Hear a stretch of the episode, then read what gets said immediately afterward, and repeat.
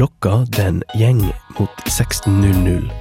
Og her på Radio Revolt er det tid for Fakta på laurbær.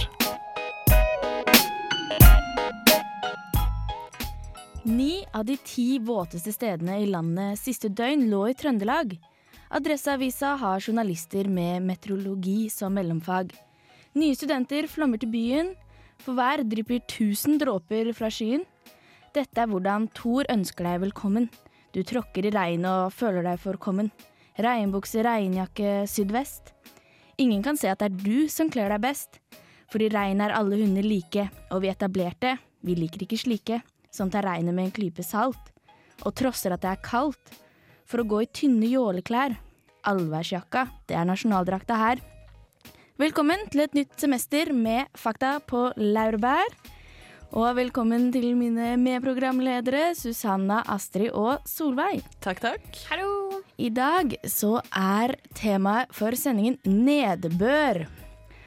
Og eh, til alle nye studenter her, ekstra velkommen til dere. Og jeg vil si at eh, 16. august, altså den dagen dere kom til byen, ble immatrikulert, var den dagen i året der, nød, der Trondheim hadde mest nedbør i løpet av hele året. Det var eh, to dager før min bursdag. Det må være derfor. Fordi, De ville kvitte seg med det, og så skulle det bare bli bra fra jeg hadde bursdag utover. ja, for Astrid har vært snill hele året. Herlig. Utenom den ene dagen. da. Godt sagt, Astrid. Godt sagt. Så vi kommer tilbake med masse mer nedbørstoff i løpet av sendingen. Vi skal også se hvordan det gikk når jeg prøvde å klatre opp en bratt, bratt steinvegg. Men alt det der kommer etter Off Montreal med gullalderen.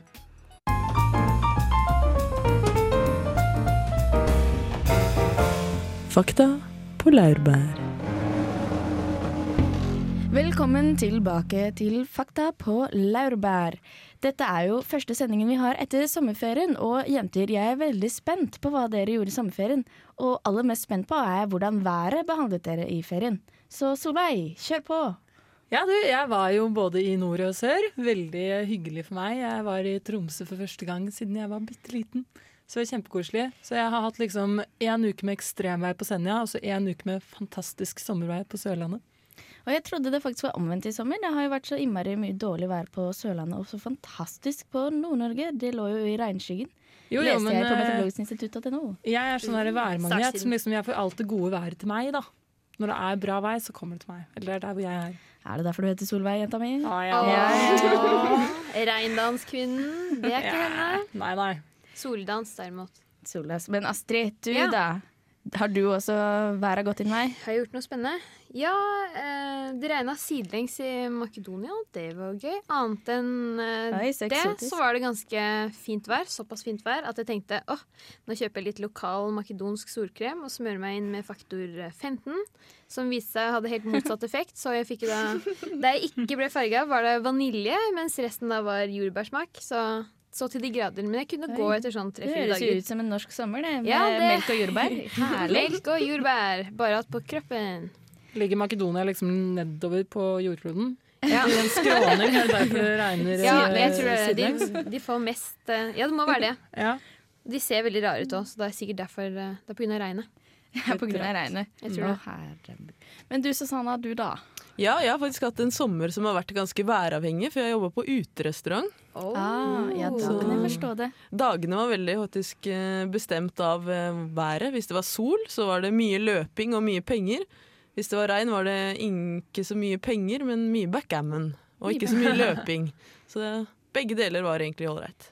Det høres knall ut. Jeg har jobbet på sykehjem i sommer, og tja, det var jo artig. Det, eneste, det som var veldig morsomt, var jo at de glemmer litt, da. Sånn at eh, jeg kunne hver dag dra den vitsen, fordi det regna så innmari mye i Oslo, og bare Det er nesten som å være i Sørøst i Asia, dere. Dette er eksotisk. Og liksom late som at vi faktisk var i Sørøst-Asia. Men det gikk ikke. Wow. på Men de har vel Alzheimer, Alzheimer hele gjengen der, så de husker vel ikke om Du kan jo si 'Å, nå har det vært sol i 14 dager', og så sier de 'Ja, det klarte jeg, det'. Ja, det er helt sant. Jeg kan lure dem på den måten. Ja, Jeg, kan også, jeg glemte også en gammel dame ute i sola en gang, så hun ble veldig, veldig veldig rød. Hun ble rosin. Ja, men ja, de var rosin. Mer rosin. mer rosin enn de allerede var. Da sa du vel at ja, men du sa jo jeg skulle sitte, du ville sitte i sola? Ja, jeg sa jo det, og så bare kneppa igjen skjorta, sånn at ikke Ja. de pårørende skulle se det, og så bare sendte de inn på rommet sitt. Ja, ja, ja. Det gjorde jeg også. Ja, ja. Men nå skal vi videre i sendingen. Vi skal høre på Bon Iver med 'Towers', og etter det så kommer en sak Susanna har stelt i stand om eh, sur nedbør. Vi skal lære litt om hva det er for noe. Det blir veldig spennende. Men først altså Bon Iver med 'Towers'.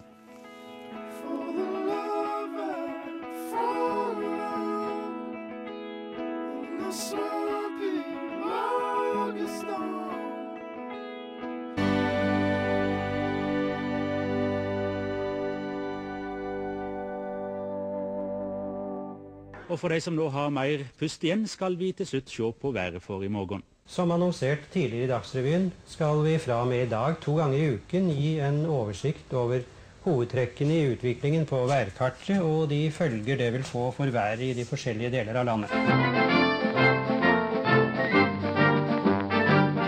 Fakta på laurbær.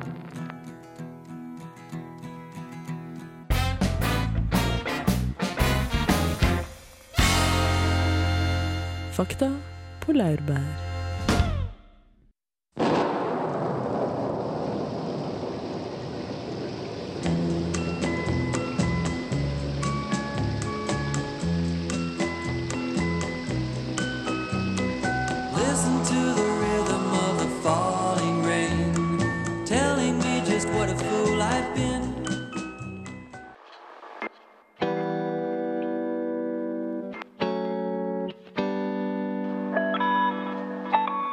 Sur nedbør oppstår når bestemte forurensende stoffer i atmosfæren reagerer med vanndamp.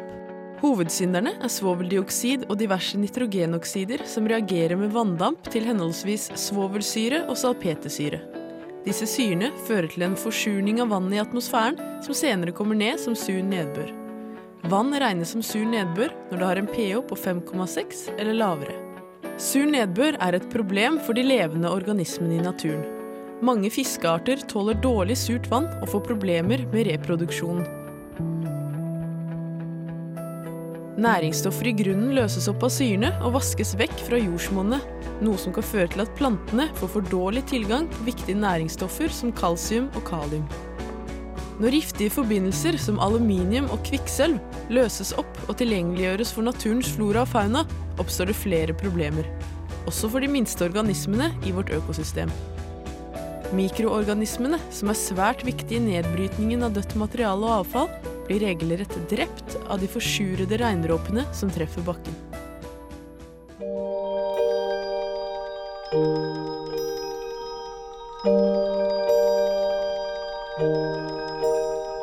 I atmosfæren finner vi svoveldioksid og nitrogenoksid naturlig, men de tilføres også via fossilt brensel. I tillegg er metallurgisk industri en spesielt viktig bidragsyter til forsurningen. I Norge er det spesielt Sørlandet som lider under påvirkningen fra sur nedbør. Hvor god motstandsdyktighet et landområde har mot forsurning, avgjøres ofte av hvordan ørret påvirkes ved tilførsel av en bestemt mengde forsurende stoffer gjennom nedbøren. Ørreten er en fiskeart som er spesielt følsom for påvirkning fra sur nedbør. Og på Sørlandet er jordsmonnet tynt, og berggrunnen består i hovedsak av sure bergarter som gneis og granitt. Mer av de sure stoffene vil nå ørreten, i motsetning til områder med tykkere jordsmonn til å fange opp de sure forbindelsene, og områder der berggrunnen inneholder mye kalk. Kalk er noe de fleste har hørt om i forbindelse med sur nedbør. Kalken har basiske egenskaper og kan nøytralisere syrene i den sure nedbøren, og dermed øke pH i vannet. Kalking av vassdrag og innsjøer er viktig når det gjelder å gjenopprette dyrelivet i forsurede sjøer. På Sørlandet har mange fiskebestander dødd ut, deriblant 25 laksebestander. Norske skoger derimot har for tiden en stabil helsetilstand når det gjelder påvirkning fra sur nedbør. Problemet knyttet til sur nedbør må løses internasjonalt, fordi den sure nedbøren i f.eks. Norge like gjerne kan komme fra Storbritannia eller Tyskland som fra egne utslipp. Heldigvis har de europeiske svovelutslippene blitt kraftig redusert de siste 20-30 årene, takket være installering av renseanlegg og overgang fra kull til mer svovelfattige brensler. Fra 1980 til 2008 har den samlede avsetningen av svovel i Norge blitt redusert fra 200 000 tonn til 33 000 tonn. Avsetningen av nitrogen i samme periode er redusert fra 100 000 tonn til 61 000 tonn. Det er altså en betydelig forminsking av sur nedbør i Norge, men fortsatt er det nødvendig med kalking og videre fokus på internasjonale avtaler og mål om videre redusering av utslipp.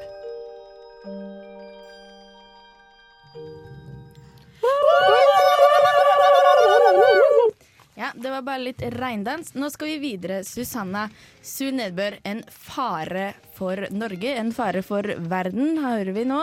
Ja, Men det er vel litt mer biologiske faktorer. Du nevnte det så vidt i saken, men fortell litt mer, vær så snill. Jo, jeg nevnte jo i hvert fall at uh, på Sørlandet er det verst uh, påvirkning av sur nedbør, fordi her er det så her er det så lett å skylle salter og sånt eh, ut i vannet, fordi det er veldig tynn berggrunn. Aha. Det går hardt utover laks og ørret og det som er av fisk.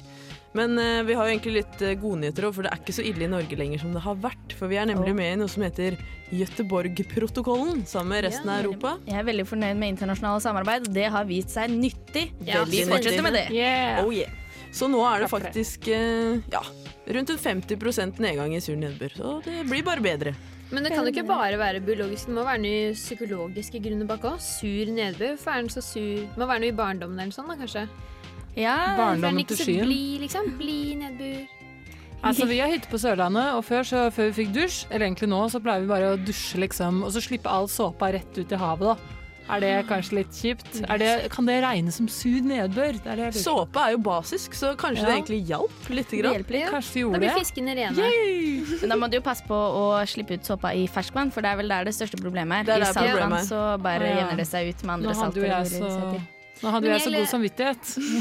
I min naturfagsbok før så sto det at denne sure nedbøren kom eh, henholdsvis fra Tyskland og Storbritannia. Det er det sant stemmer, ennå? det stemmer eh, veldig bra. Og Polen i tillegg. Ja, Og Polen. For det er vel de som er kjent som på en måte store industriland, mens vi i Norge ikke har hatt så stor en industri, Ja. og derfor ikke er de store synderne. Og så er det mye oss. med vindretninga å gjøre òg, faktisk. At det blåser veldig perfekt fra Tyskland og Storbritannia Opp opp til oss, Norge. ja. Mm. Så det Ja. vi må gjøre, er å snu vinden. Det, det fikser vi. Det er jo et lurt trinn. Veldig lurt trinn. Ja, så vinden fra syd den har gjort mye skade i sommer. Den har altså gitt oss sur nedbør. Og den har også gitt oss haugevis av nedbør. Monsuntilstander. Og det er jo derfor det var så mye regn på Sørlandet i sommer. I det hele tatt. Hva skal vi si om dette? Vi kan ikke stoppe vinden. Nei, vi kan ikke være sure heller. Vi må være blide. Vi må si ja. Regn, jeg er jo tørst, det passer bra. For eksempel. Sett ut kar overalt. Kan du bade ute? Trenger ikke engang fylle opp tanken. Åh, det er fantastisk. Nesten. Det er nye tider. Annet enn at kjelleren står under vann. Men sånne ting, det må du bare ta som eh, med en klype salt. Eller kalk, da. Det kommer an på. Ja, det var jo folk som fikk oppleve å få kjelleren under vann nå i begynnelsen av ferien. Det var jo kjedelig. Jeg vet ikke om de er like ivrige som deg, Astrid, men du er jo en livsoptimist. Ja, Oh, yeah. livsoptimist. De har jo eget, eh, Alle fritsler. Eget innendørs basseng, ikke sant? Eget Ja. innendørs basseng. Ja. Sette ut badeleker og sånn. Det kjipe er jo at kloakken selvfølgelig alltid kobler seg på. Men det er jo bare en Jeg tenker bad med neskrupe, så går det fint. Mm, det er jo gjørmebad, skal visstnok være veldig sunt. Da, så vi bare sant. tenker at det er gjørme, så går det fint. Nå er vi langt ute. Nå har vi begynt å ro her, føler jeg. begynt å ro, ja ja. Det var i hvert fall noen som rodde i Gudbrandsdalen i sommer. Vi må videre. Vi skal høre Monté med Ghost, og etter det så skal dere få høre hvordan det gikk når jeg prøvde å klatre. Just when you find that feeling.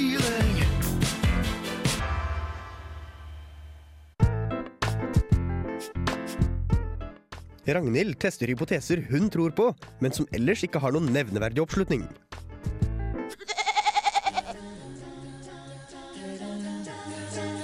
I den siste perioden har jeg sett en del på Gli. Og er det noe jeg har lært, så er det at tidligere bragder, erfaringer og mestringsnivå alltid vil trumfes av en klokkeren tro på selve. Tror du nok, og har du venner som støtter opp om et felles mål, kan ingen stoppe deg. Jeg og min venninne Katinka var ute og gikk en tur her om dagen. Vi gikk opp Christian Fredriks gate, gata som går opp mot idrettsbygget på Gløs. Langs kanten av veien er det en steil steinvegg.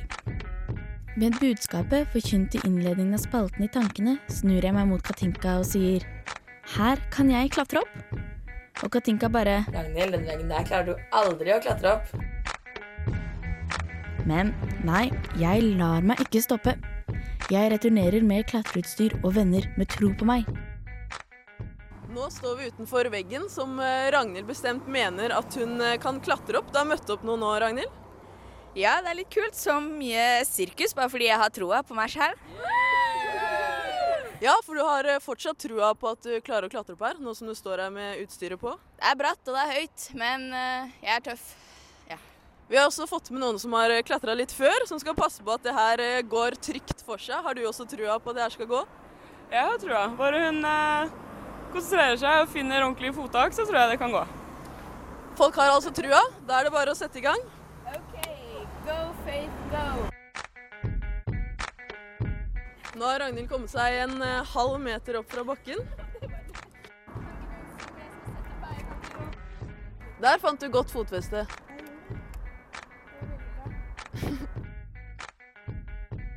Nå kan vi kanskje si at Ragnhild er halvveis opp i veggen. Det ser bra ut. Det ser veldig bra ut. Det gjør det. Det er lov å bruke tauet litt. Men kan en bratt steinvegg i Norge sammenlignes med oppgavene glitrende, syngende ungdom i Amerika står overfor? Halvveis opp i veggen er jeg redd viljestyrken ikke klarer å gjøre opp for det som mangler av kraft i bein og armer. Da hører jeg en liten melodi summe mellom tilskuernes rop og bilenes drønn. Du er over halvveis. Ragnhild kan se lyset over horisonten av veggen. Det er ikke lenge igjen nå. Sola skinner over horisonten. Det er kun én kort meter igjen. Der tar Ragnhild sats igjen. Og på neste trinn. Smalt er det, men det skal gå. Jo da, dette går. Der er hun ett trinn lenger oppe. Nå er det ikke Nå tar hun i toppen! Woo! Toppen er nådd. Er du, er du glad, Ragnhild?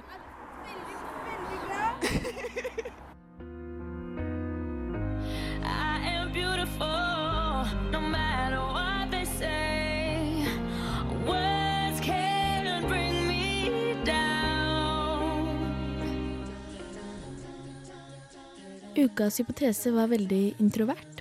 Klarer jeg dette, eller klarer jeg det ikke? Jeg hadde troa, og Katinka hadde ikke det. Men når forsøket ble utført, var det mer enn kvantitative parametere som ble testet. Katinka så mine muskler, min smidighet og veggens helning, og konkluderte med at dette ville ikke gå. Jeg la viljestyrke, fellesskap og et amerikansk 'Yes, we can' med i ligninga. Nå er det på tide å ta tankens kraft tilbake, også i Norden. Følg med i neste episode av Ragnhild tester hypoteser hun tror på, men som ellers ikke har noen nevneverdig oppslutning.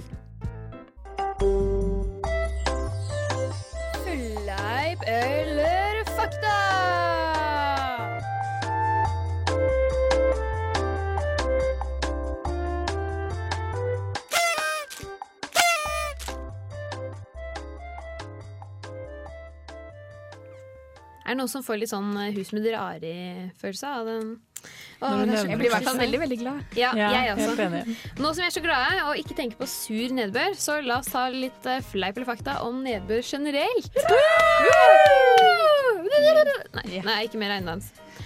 Er det sant at Skjåk Øygard i eh, Gudbrandsdalen er det tørreste stedet i landet?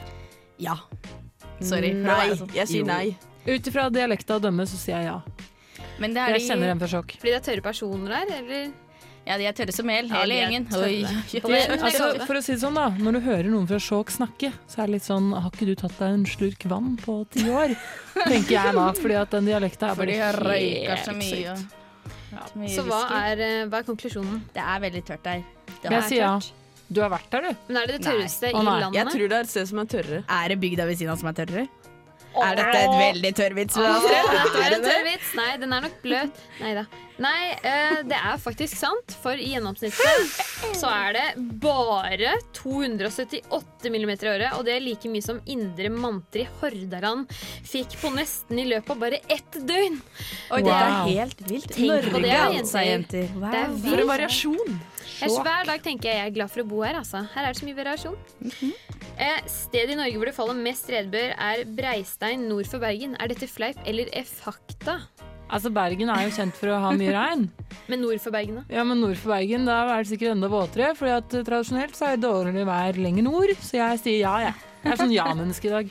Ja, jeg vet ikke hvor de høyeste fjellene på Vestlandet er. Jeg ville på en måte tro at det er mest nedbør der det høyeste fjellet er. Ja, rett foran de. Yes, eh, og eh, der skorter geografisk ja, kunnskap. Ja, men det er ikke så langt fra, altså. Det, det er ikke det stedet. Men eh, det stedet i Norge som har mest nedbør, er Brekke i Sogn. Og de får til sammen Oi, oi, oi. 3575 millimeter i løpet av året. Ja, men bra vi ikke dreit oss ut der. Altså, det hadde vært kjipt. Tre og en halv meter. Fy faen, det var ikke langt unna. Er det fleip eller fakta at Kauai i Hawaii har et fjell som heter Mount Waiale? Waialalale, som er 1569 meter over havet, litt høyere enn Galdhøpiggen, og har 350 regndager i året. Fleip eller fakta? Det fleip. Det tror jeg er fleip. Altså, ja, altså, enten så har du funnet på masse masse tull nå og syns dette er Mm. kjempegøy. Alltid anklager dere meg for å ha funnet på masse, masse tull. Ja, det må jo være fleip. Er det tull denne gangen også? Ja, for det heter ikke ai, ai, ai, ai, ai. Det Ja, det er heter allau, lau, lau. Okay. Eh, hvis det er riktig uttale, så er det faktisk faen meg sant. 350 regndager i året. Wow. Det betyr jo Oi. 15, 14, 15, 16, kommer litt an på hvilken dag det er. Og hvilket år. Eh, hvor de har oppholdsvær. Det er nesten ingenting. Så er det siste. Visste du at sjiraffantilopen i Afrika ikke behøver å drikke vann? Det, det fins ikke noe som heter sjiraffantilope, vel? Jo, det gjør det i Afrika. Hvordan er det den klarer seg da? Det spiser vel ting som bare er vann. Vannmelon, sånne ting sikkert. Ja, det er plausibelt dette, bortsett fra sjiraffantilope. Det er ikke jeg Ja. med på. Jeg sier fleip. Jeg sier Jeg hadde hatt zoologi, grunnfag, så hadde jeg visst det. Få høre, da. Ja, få høre da, Astrid. Mi, mi, mi. Er det grunnfag sånn? Nei, Altså, kanskje du ikke. vet faktisk ikke Å selv. ja, jeg trodde det var en lyd. Nei, det er faktisk sant. Blocco, blocco.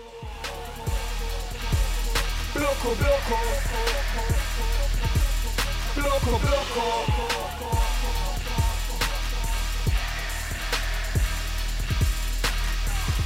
Blocco, blocco, blocco, blocco, blocco,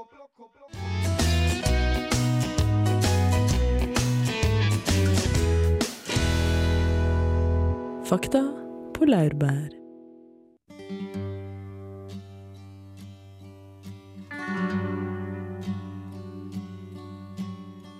Historien om Noas ark er kjent for de fleste. Men det mange kanskje ikke vet, er at lignende beretninger også finnes i Koranen, gresk mytologi og hinduismen, for å nevne noen. Det de har til felles, er en hovedperson som er den eneste gode og syndfrie mennesket igjen på jorda, og som dermed får i oppdrag å redde verden. Man kan kanskje kalle dem en slags eh, religiøse superhelter. I dag har vi erstattet superheltene med meteorologer som kan fortelle oss om høytrykk og lavtrykk, sol og regn. Værmeldingen er bare en app og et tastetrykk unna. Men lenge før Kristen Gislefoss eller TV 2s Hverdammer kom på banen, rettet vi mennesker oss mot mer guddommelige profetier for å få en forklaring på godt og dårlig vær. Antikkens grekere dannet en hypotese om at jorden flere ganger hadde vært dekket med vann, noe de baserte på funn av fiskefossiler på fjelltopper. Også de gamle kineserne opplevde en stor flom, og denne hendelsen har senere spilt en stor rolle i den kinesiske kulturen. Men i motsetning til den bibelske beretningen om arken, har den store flommen i kinesisk kultur blitt behandlet i både et mytologisk og et historisk perspektiv. Det de mytiske beretningene om den kinesiske store flommen har til felles, er en oppfatning rundt at flommen var et resultat av naturlige årsaker heller enn en universal straff. Dette er for oss den mest selvfølgelige forklaringen, men det at vi vet årsaken til dårlig vær, betyr vel ikke at vi er sikret? Hvem skal redde oss unna den neste store flommen, og hvordan? Er verden forberedt på en ny såkalt syndeflod? Det ville vært synd. For et spørsmål, Solveig. En stor syndeflom. Er vi forberedt? Er vi det, jenter? Det er synd hvis ikke vi er det. På en synde. Noe av poenget med en syndeflod er sikkert det at man ikke er forberedt på det. Det kommer som en bombe. Men en eller annen får jo en advarsel. Ikke sant? Sånn eh, Ja. historisk sett. for Men det er jo vel mer sånn når, bare, hvis høna går baklengs og låser seg inn feil vei, så det er jo bare sånne gamle ting. Er det ikke masse sånn opp etter eh, Ser du opp mot månen, og det tilfeldigvis er tirsdag, den andre dagen Ja, så du mener at det er helt tilfeldig? Det er den som tilfeldigvis så grisen fly som får vite at Ja. det kommer en syndeflod? Det er ikke Jeg ville tenkt det at det kanskje skulle vært Barack Obama. Tror du ikke, tror du Jo, ikke amerikanerne er Guds utvalgte folk? Jeg tror det. Eller det er Det er jo, amerikanerne. nei, det er jo uh, mormonerne, vet du. Ah. Eller oh, ja, Jehovas oh, ja. vitner, eller, eh, eller uh, alle andre. Men uh... Unnskyld meg, sitter du og strikker mens du snakker? Ja, men altså, jeg, jeg har jo alt på stell her. Jeg er jo Solveig forbereder seg Jeg til jo- eh, flommen, hun, Jeg strikker ja, en sånn liten båt som jeg skal ro bort. Og en eh, strikkebåt. En strikkebåt. Jeg tenker at den skal bli helt vanntett også. Ja, du får impregnere den, Ja, da. er Pass på synd det. vi er tomme for sedertre. Det var jo det Noah visstnok brukte for å lage arken sin. da. Er vi tomme for Er sedertre i verden? Ja, i hvert fall her i Norge. Nå ble jeg bekymret. Men eh, jeg som er fra Larvik, har jo litt erfaring med, med Tor Heyerdahl. Ja, ja, ja. Og uh, Kon-Tiki. balsa-treflåtebygging. Så jeg, jeg er ikke så bekymra for en eventuell syndeflod.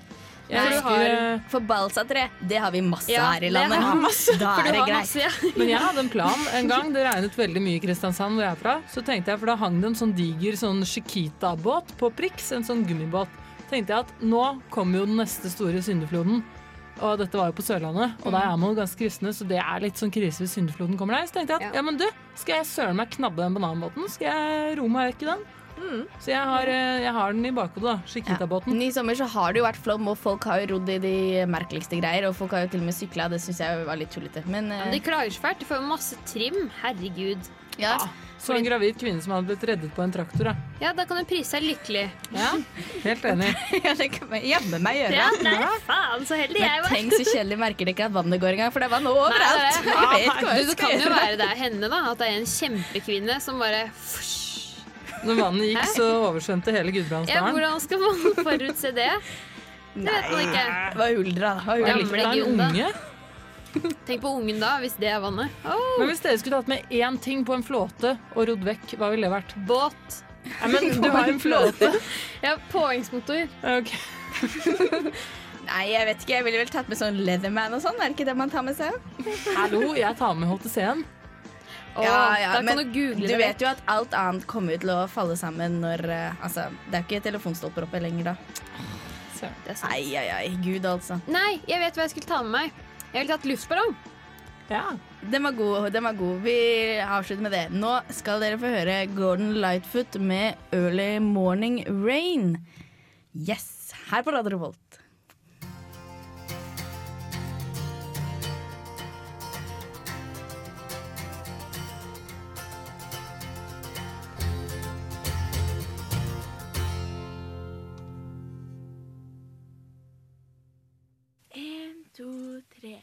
Fakta på laurbær. The sound is sexy. Hver tirsdag fra 16 til 17 på Radio Revolt.